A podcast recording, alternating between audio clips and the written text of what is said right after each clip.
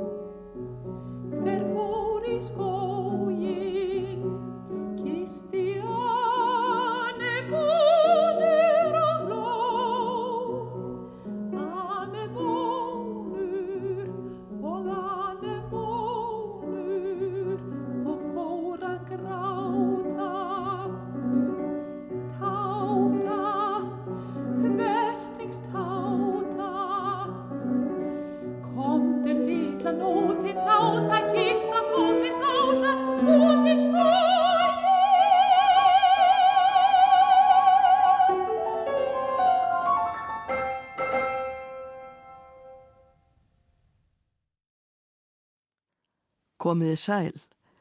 12. ágúst síðasliðin andaðist ein merkasta söngkona íslensknar tónlistarsögu Þurriður Pálsdóttir. Og hér á undan heyrðum við Þurriði syngja lagið Unglingurinn í skóginum. Það er ljóð eftir Haldur Lagsnes og lag eftir Jórunni Viðar sem einnig leik með á piano, hljóritun frá 1961. Þessi þáttur verður helgaður Þurriði og ferli hennar. Þurriður Pálsdóttir fættist í Reykjavík 11. mars 1927. Óhætt er að segja að hún hafi fæðst inn í tónlistarfjölskyldu. Fadir hennar var Páll Ísólfsson, orgeleikari og tónskáld, móðir hennar Kristín Norðmann, pianokennari. Í æfiminningabók sinni, Líf mitt og gleði, sem Jónína Mikaelsdóttir skráði, segir Þurriður. Í móttökunemdini voru ekki aðrir en mamma og pappi, því ljósmáðurinn kom á seint til að taka móti mér. Eða var það kannski ég sem kom fyrir en búist hafði verið við? Það er ekki ólíklegt. Það hefur fyllt mér alla æfi að koma eða fara þegar fólk á síst von á því. Það glanaði alltaf yfir pappa þegar að myndist á hann en atbyrð, sem hann gerði oft. Ég tók á móti þér nýni, sagðan, þú ert eina barni sem ég sé fæðast. Sjálfrið þykir með það skemmtileg tilviljun að barnið sem byrjaði lífið í lófum hans varð eina barnið hans sem gerði tónlist að æfistarfi sínu. Að sjálfsögðu ólst þurriður upp við tónlistarflutning á heimili sínu og hún hafði strax á barsaldri indi af því að syngja. Hún segir frá því í æfiminningunum að sér hafi þótt að skemmtilegast í leikurinn að sitja í ruggustól með Sofíu vinkonu sinni og syngja fullum hálsi. Sofíu fannst þetta reyndar stundum of mikið af svo góðu. Alltaf vill þessi níni vera að syngja, sá hún önug eitt skiptið þegar ég vildi ekki skiptum leik. Þetta var gripið á lofti og fylgdi mér gegnum árin. Níni var gælunafn þurriðjar, notaða vinum og vandamönnum. Þurriður lauk gagfræðaprófi frá Gagfræðaskóla Östurbæjar 1943. Hún stundaði einn vetur nám við handið og myndlistaskólan en fór einnig í söngtíma hjá Sigurði Birkis og söng í kór undir stjórn föður síns. Árið 1945 var haldið listamannaþing í Reykjavík og frumflutt sviðsverkið myndabók Jónasar Hallgrímssonar. Þurriður segir. Haldur Lagsnes valdi efnið en pappi samti tónlistina. Þá voru meðal annars lögin Sáu þið hana sýstur mína, Kossavísur, Menuettar og Marsar. Ég var mjög hrifin af frönsku Menuett sem hann kallaði Menuett til Níni og gaf mér.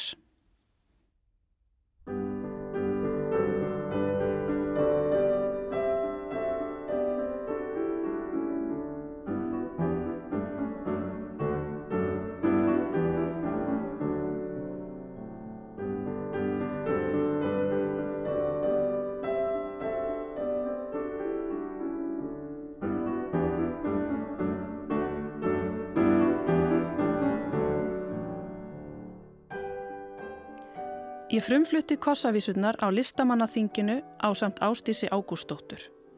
Það var í fyrsta skipti sem ég kom fram ofinberlega á sviði. Ég fann strax þá til gleðinar sem gagtók mig, jafnan þegar ég söng. Ég fann aldrei til tauga ástyrks þegar ég kom fram, aðeins gleðikendar. Við heyrðum þarna brotur menuett til Níni, öðru nafni öskumenuett, í flutningi Nínu Margreðar Grímstóttur. Þurriður hafði orðið átján ára um vorið og það var komið að tvennskonar tímamótum í lífi hennar. Senna þetta sumar trúlofaðist hún Erni Guðmundsinni og um haustið sildi hún til Englands til þess að stunda þar söngnám með styrk frá tónlistarfélaginu og menningarfrömuðinum Ragnari í smára.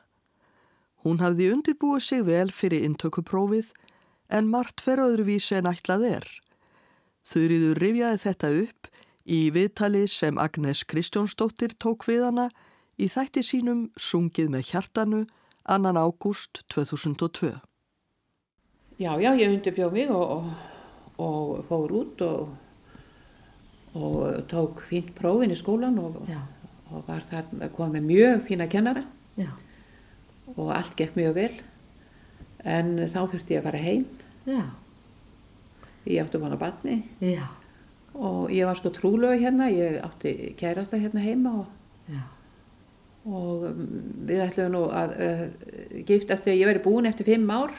Já. það fór nú öðruvísi svo leiðis að ég fór bara heim. Og uh, það var ekki hægt fyrir mann að vera uh, með barni í svona skóla þá, það var útiloka mál. Og þó maður minn hefði komið Já. og sem maður vildi nú gert að þá hefði það bara ekki verið hægt, þetta hefði ekki verið mögulegt. Þýðgæðist ekki? Nei, Nei, þetta ekki, það var, svo ég hætti, ég, maður, manni finnst þetta lægilegt núna, tímatin voru bara allt öðruvísi og það held að uh, fólk átti sér ekkert á því hvað þetta var allt öðruvísi. Já. Það har ekki voruð enn og strángir þarna og síðavandir í Breitlandi.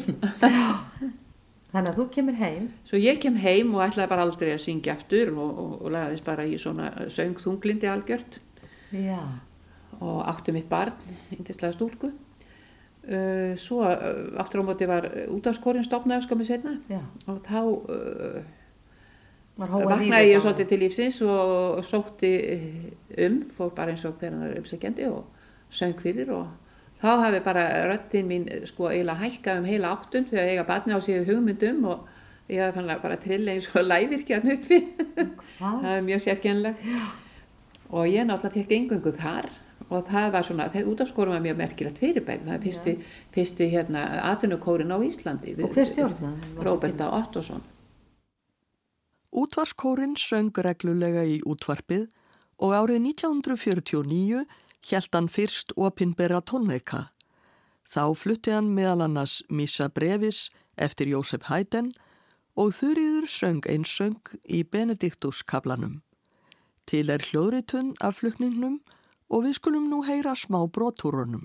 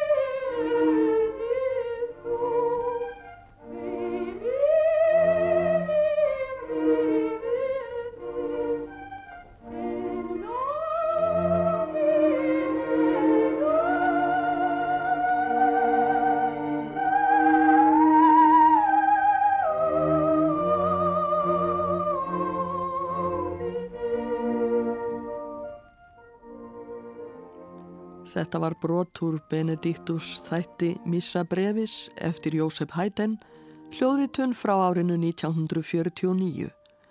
Þurriður Pálsdóttir söng með hljómsveit, Róberta Ottosson stjórnaði og Páll Ísólfsson leka á orgel.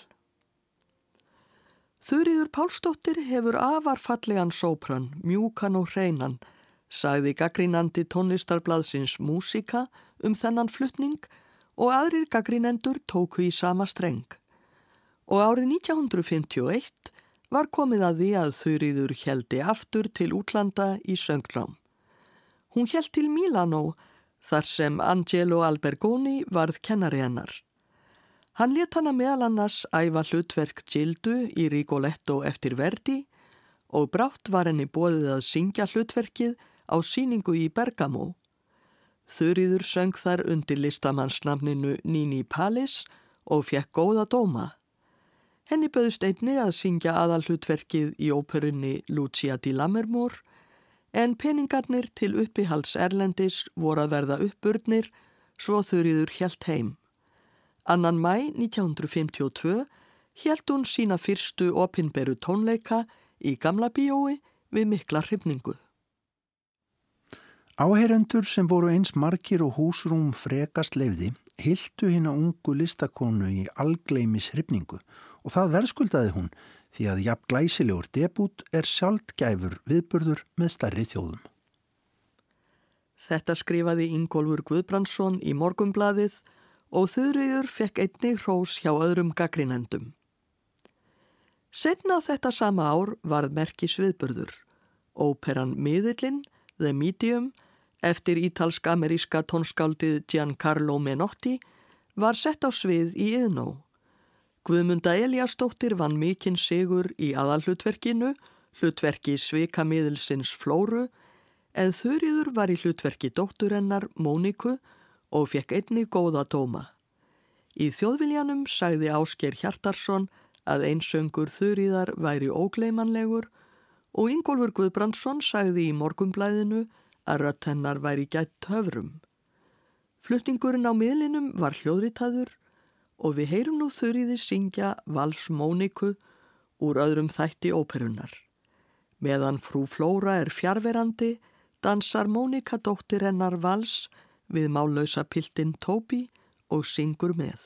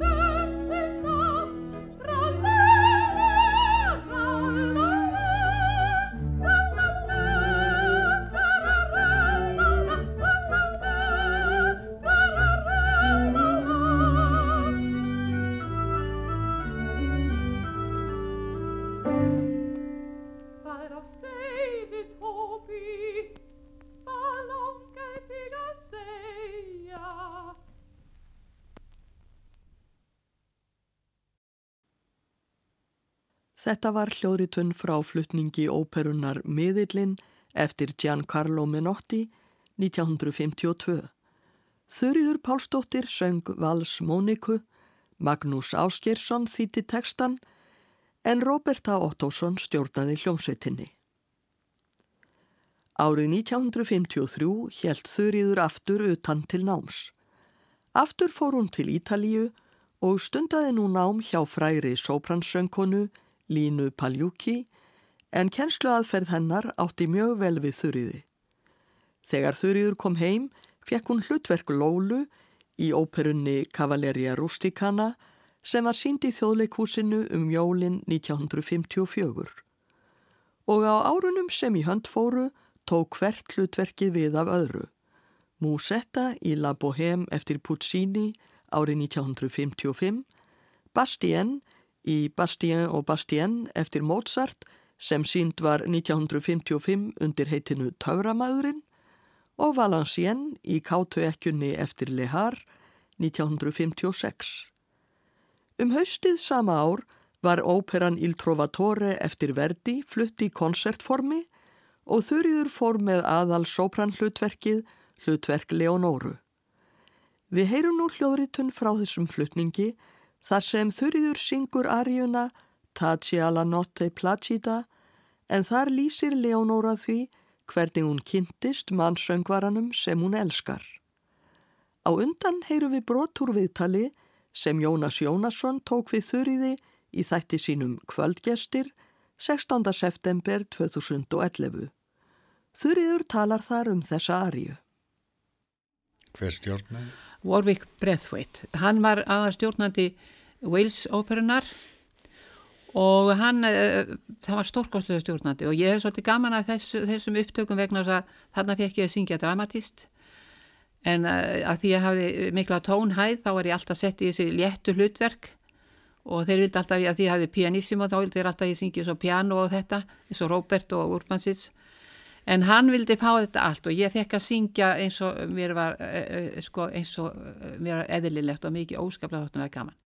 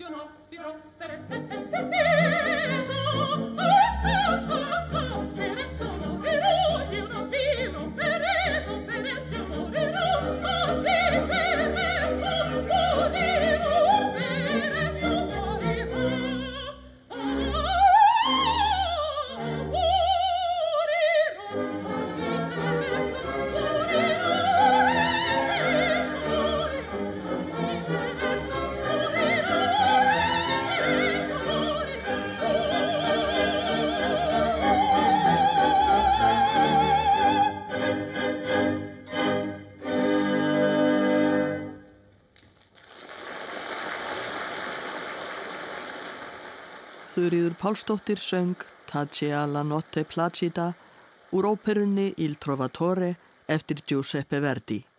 Sinfoníu hljómsveit Íslands leg og Warwick Braithwaite stjórnaði. Þetta var hljóðritun frá 1956.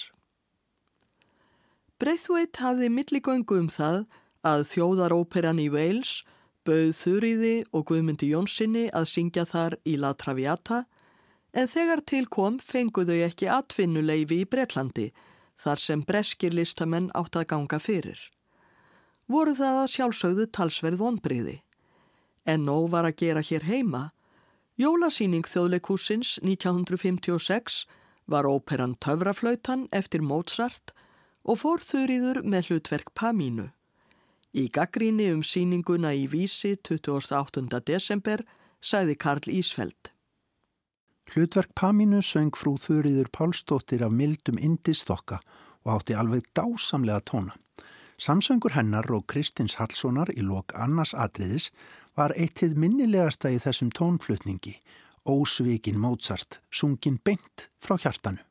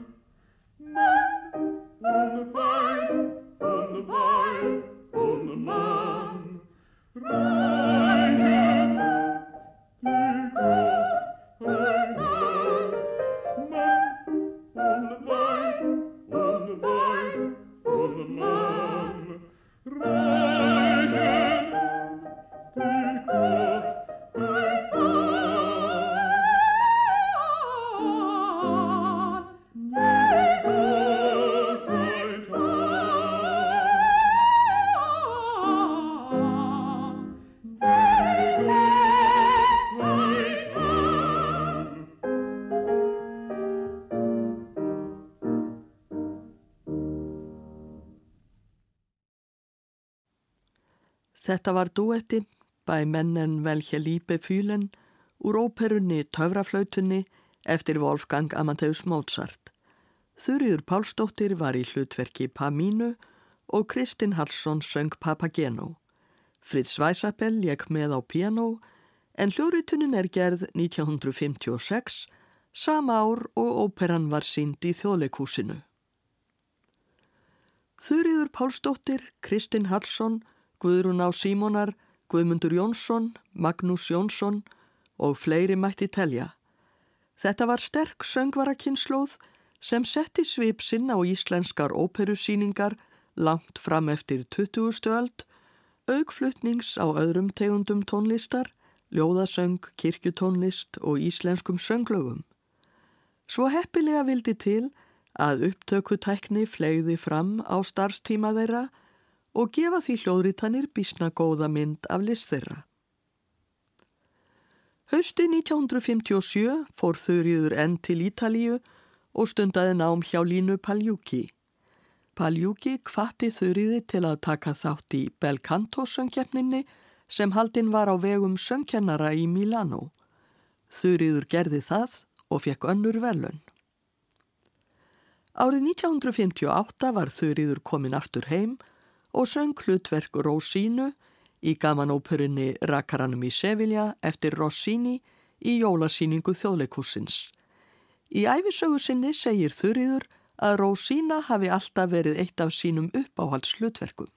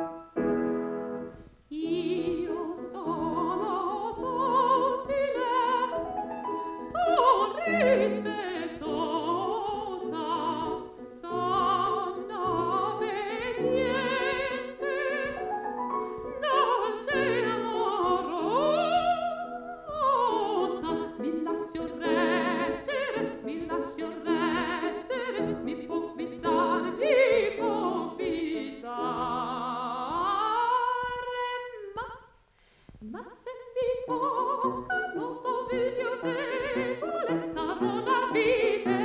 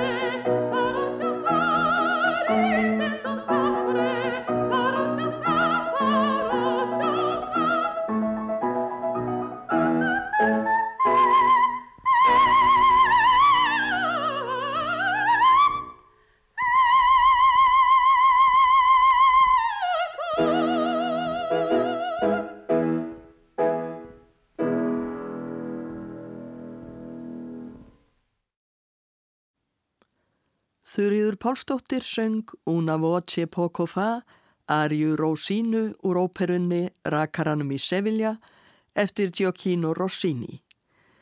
Fritz Weisabell lekk með á piano og þetta var hljóðritun frá 1957. Þurriður fór enn til Ítalíu 1959 til þess að læra hjá Pagliucci. Árið eftir fór hún með ímis hlutverk hér heima meðal annars hlutverk Norínu í Don Pasquale eftir Donizetti. En árið 1961 tók Þurriður að sér verkefni af allt öðrum toga. Ásamt frænkursinni, tónskáldinu Jórunni Viðar, kom hún fram í útvarsbarnatíma sem nefndist tónlistartími barnana. Jórun útsetti gömul þjóðlög og alþýðlög við barnagælur og þulur og þurriður söng lögin við pianoleik Jórunar. Hér þurft að nálgast tónlistina á annan hátt en í óperunum og það fór ekki á milli mála að þurriður og Jórun hittu á rétta tónin. Þórir S. Gröndal skrifaði í vísi 1. november 1961. Dóttir mín hlustaði af mikill hrifningu á tónlistartíma barnana í gær klukkan 6. Jórun Viðar kynnti þar barnalög sem þurriður Pálsdóttir söng. Oh.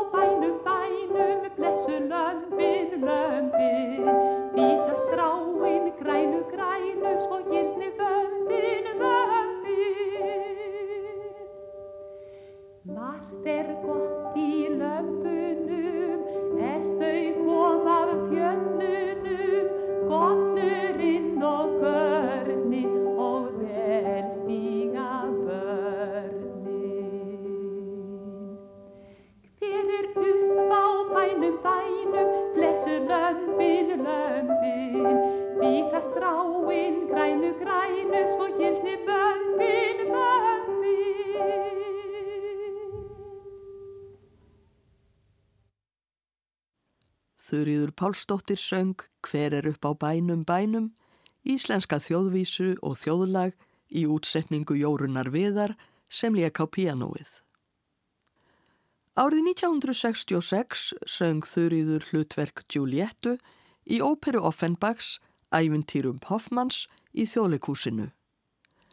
Þjóðleikúsið hafði frá stopnun sinni flutt óperur næstum hvert ár en frá að með árinu 1967 fækkaði óperu uppfærslum verulega þar sem þær þóttu of dýrar.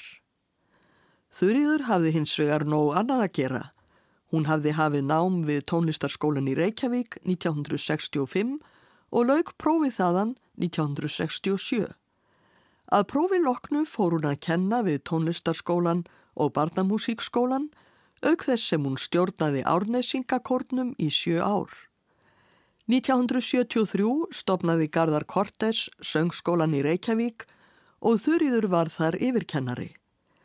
Og árið 1978 var Íslenska óperan stopnuð og Þurriður leikstýrði fyrstu síningu hennar í Pagliazzi eftir Leon Cavallo sem var sínd í háskóla bíói.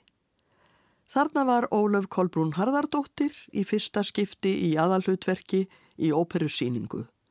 Ný söngvarakynnslóð var að koma fram. Við heyrum nú þurriði syngja lægið Tunglið, tunglið, taktu mig eftir Markus Kristjánsson. Þetta er hljóðritun frá 1963 og Árni Kristjánsson leikur með á piano.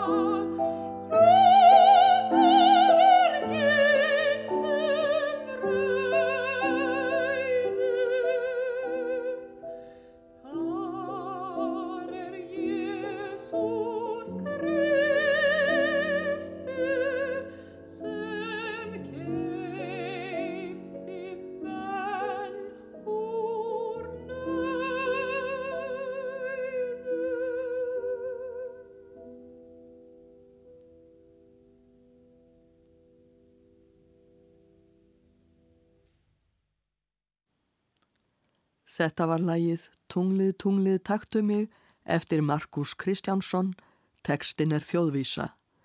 Þurriður Pálsdóttir söng og Árni Kristjánsson leik með á piano. Árið 1979 hjælt vinkona Þurriðar Guðrún á Símonar upp á 40 ára söngamæli sitt með tónleikum í háskóla bíói. Þurriður og Guðrún hafðu verið vinkonur í mörg ár og meðal annars búið saman þegar þær voru við söngnám á Ítalíu.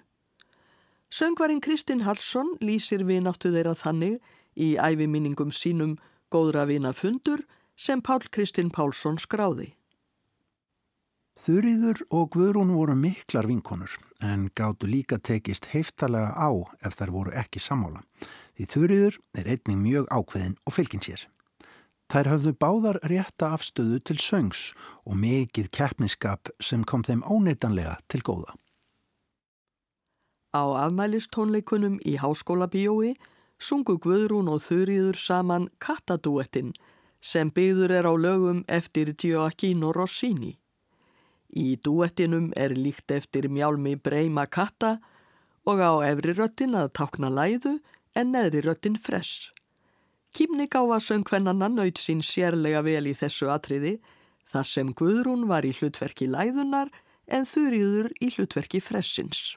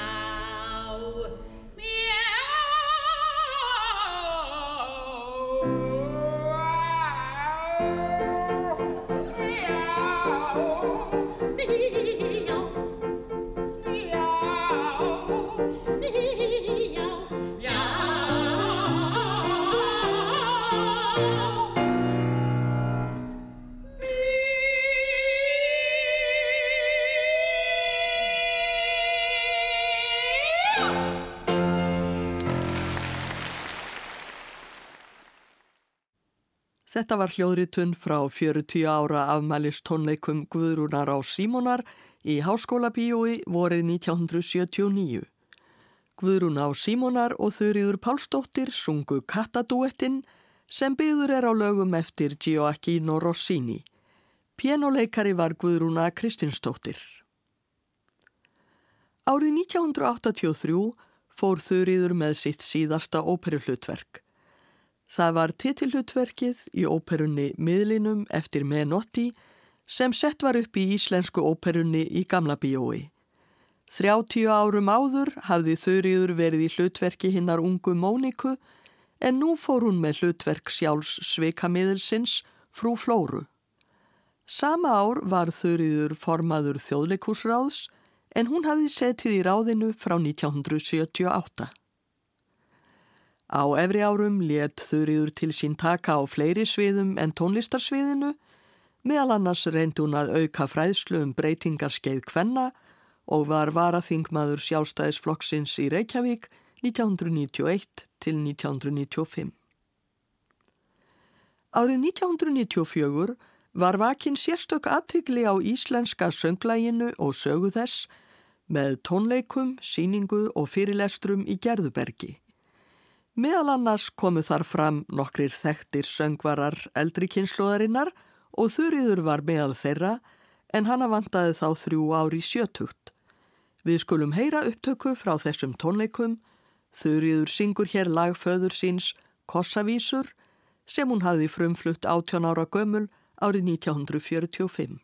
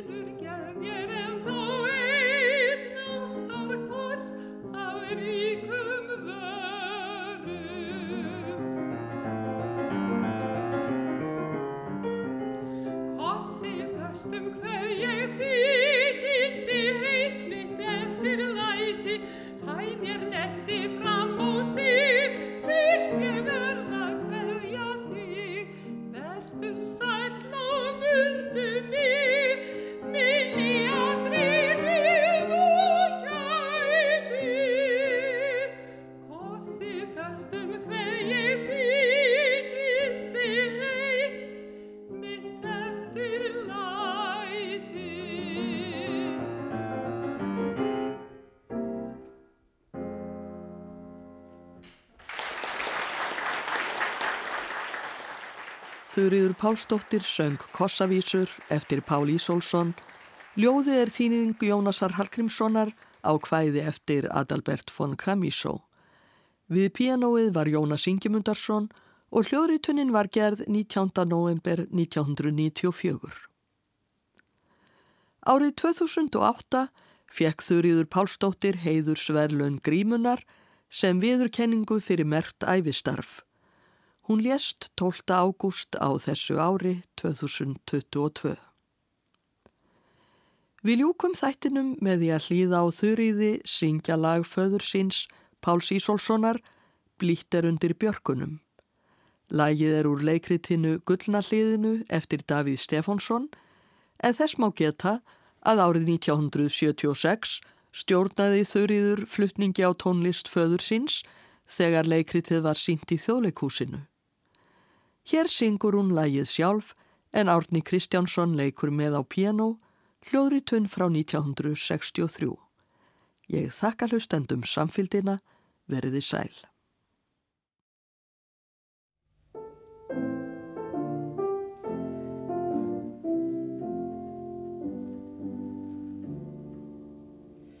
Ég beði með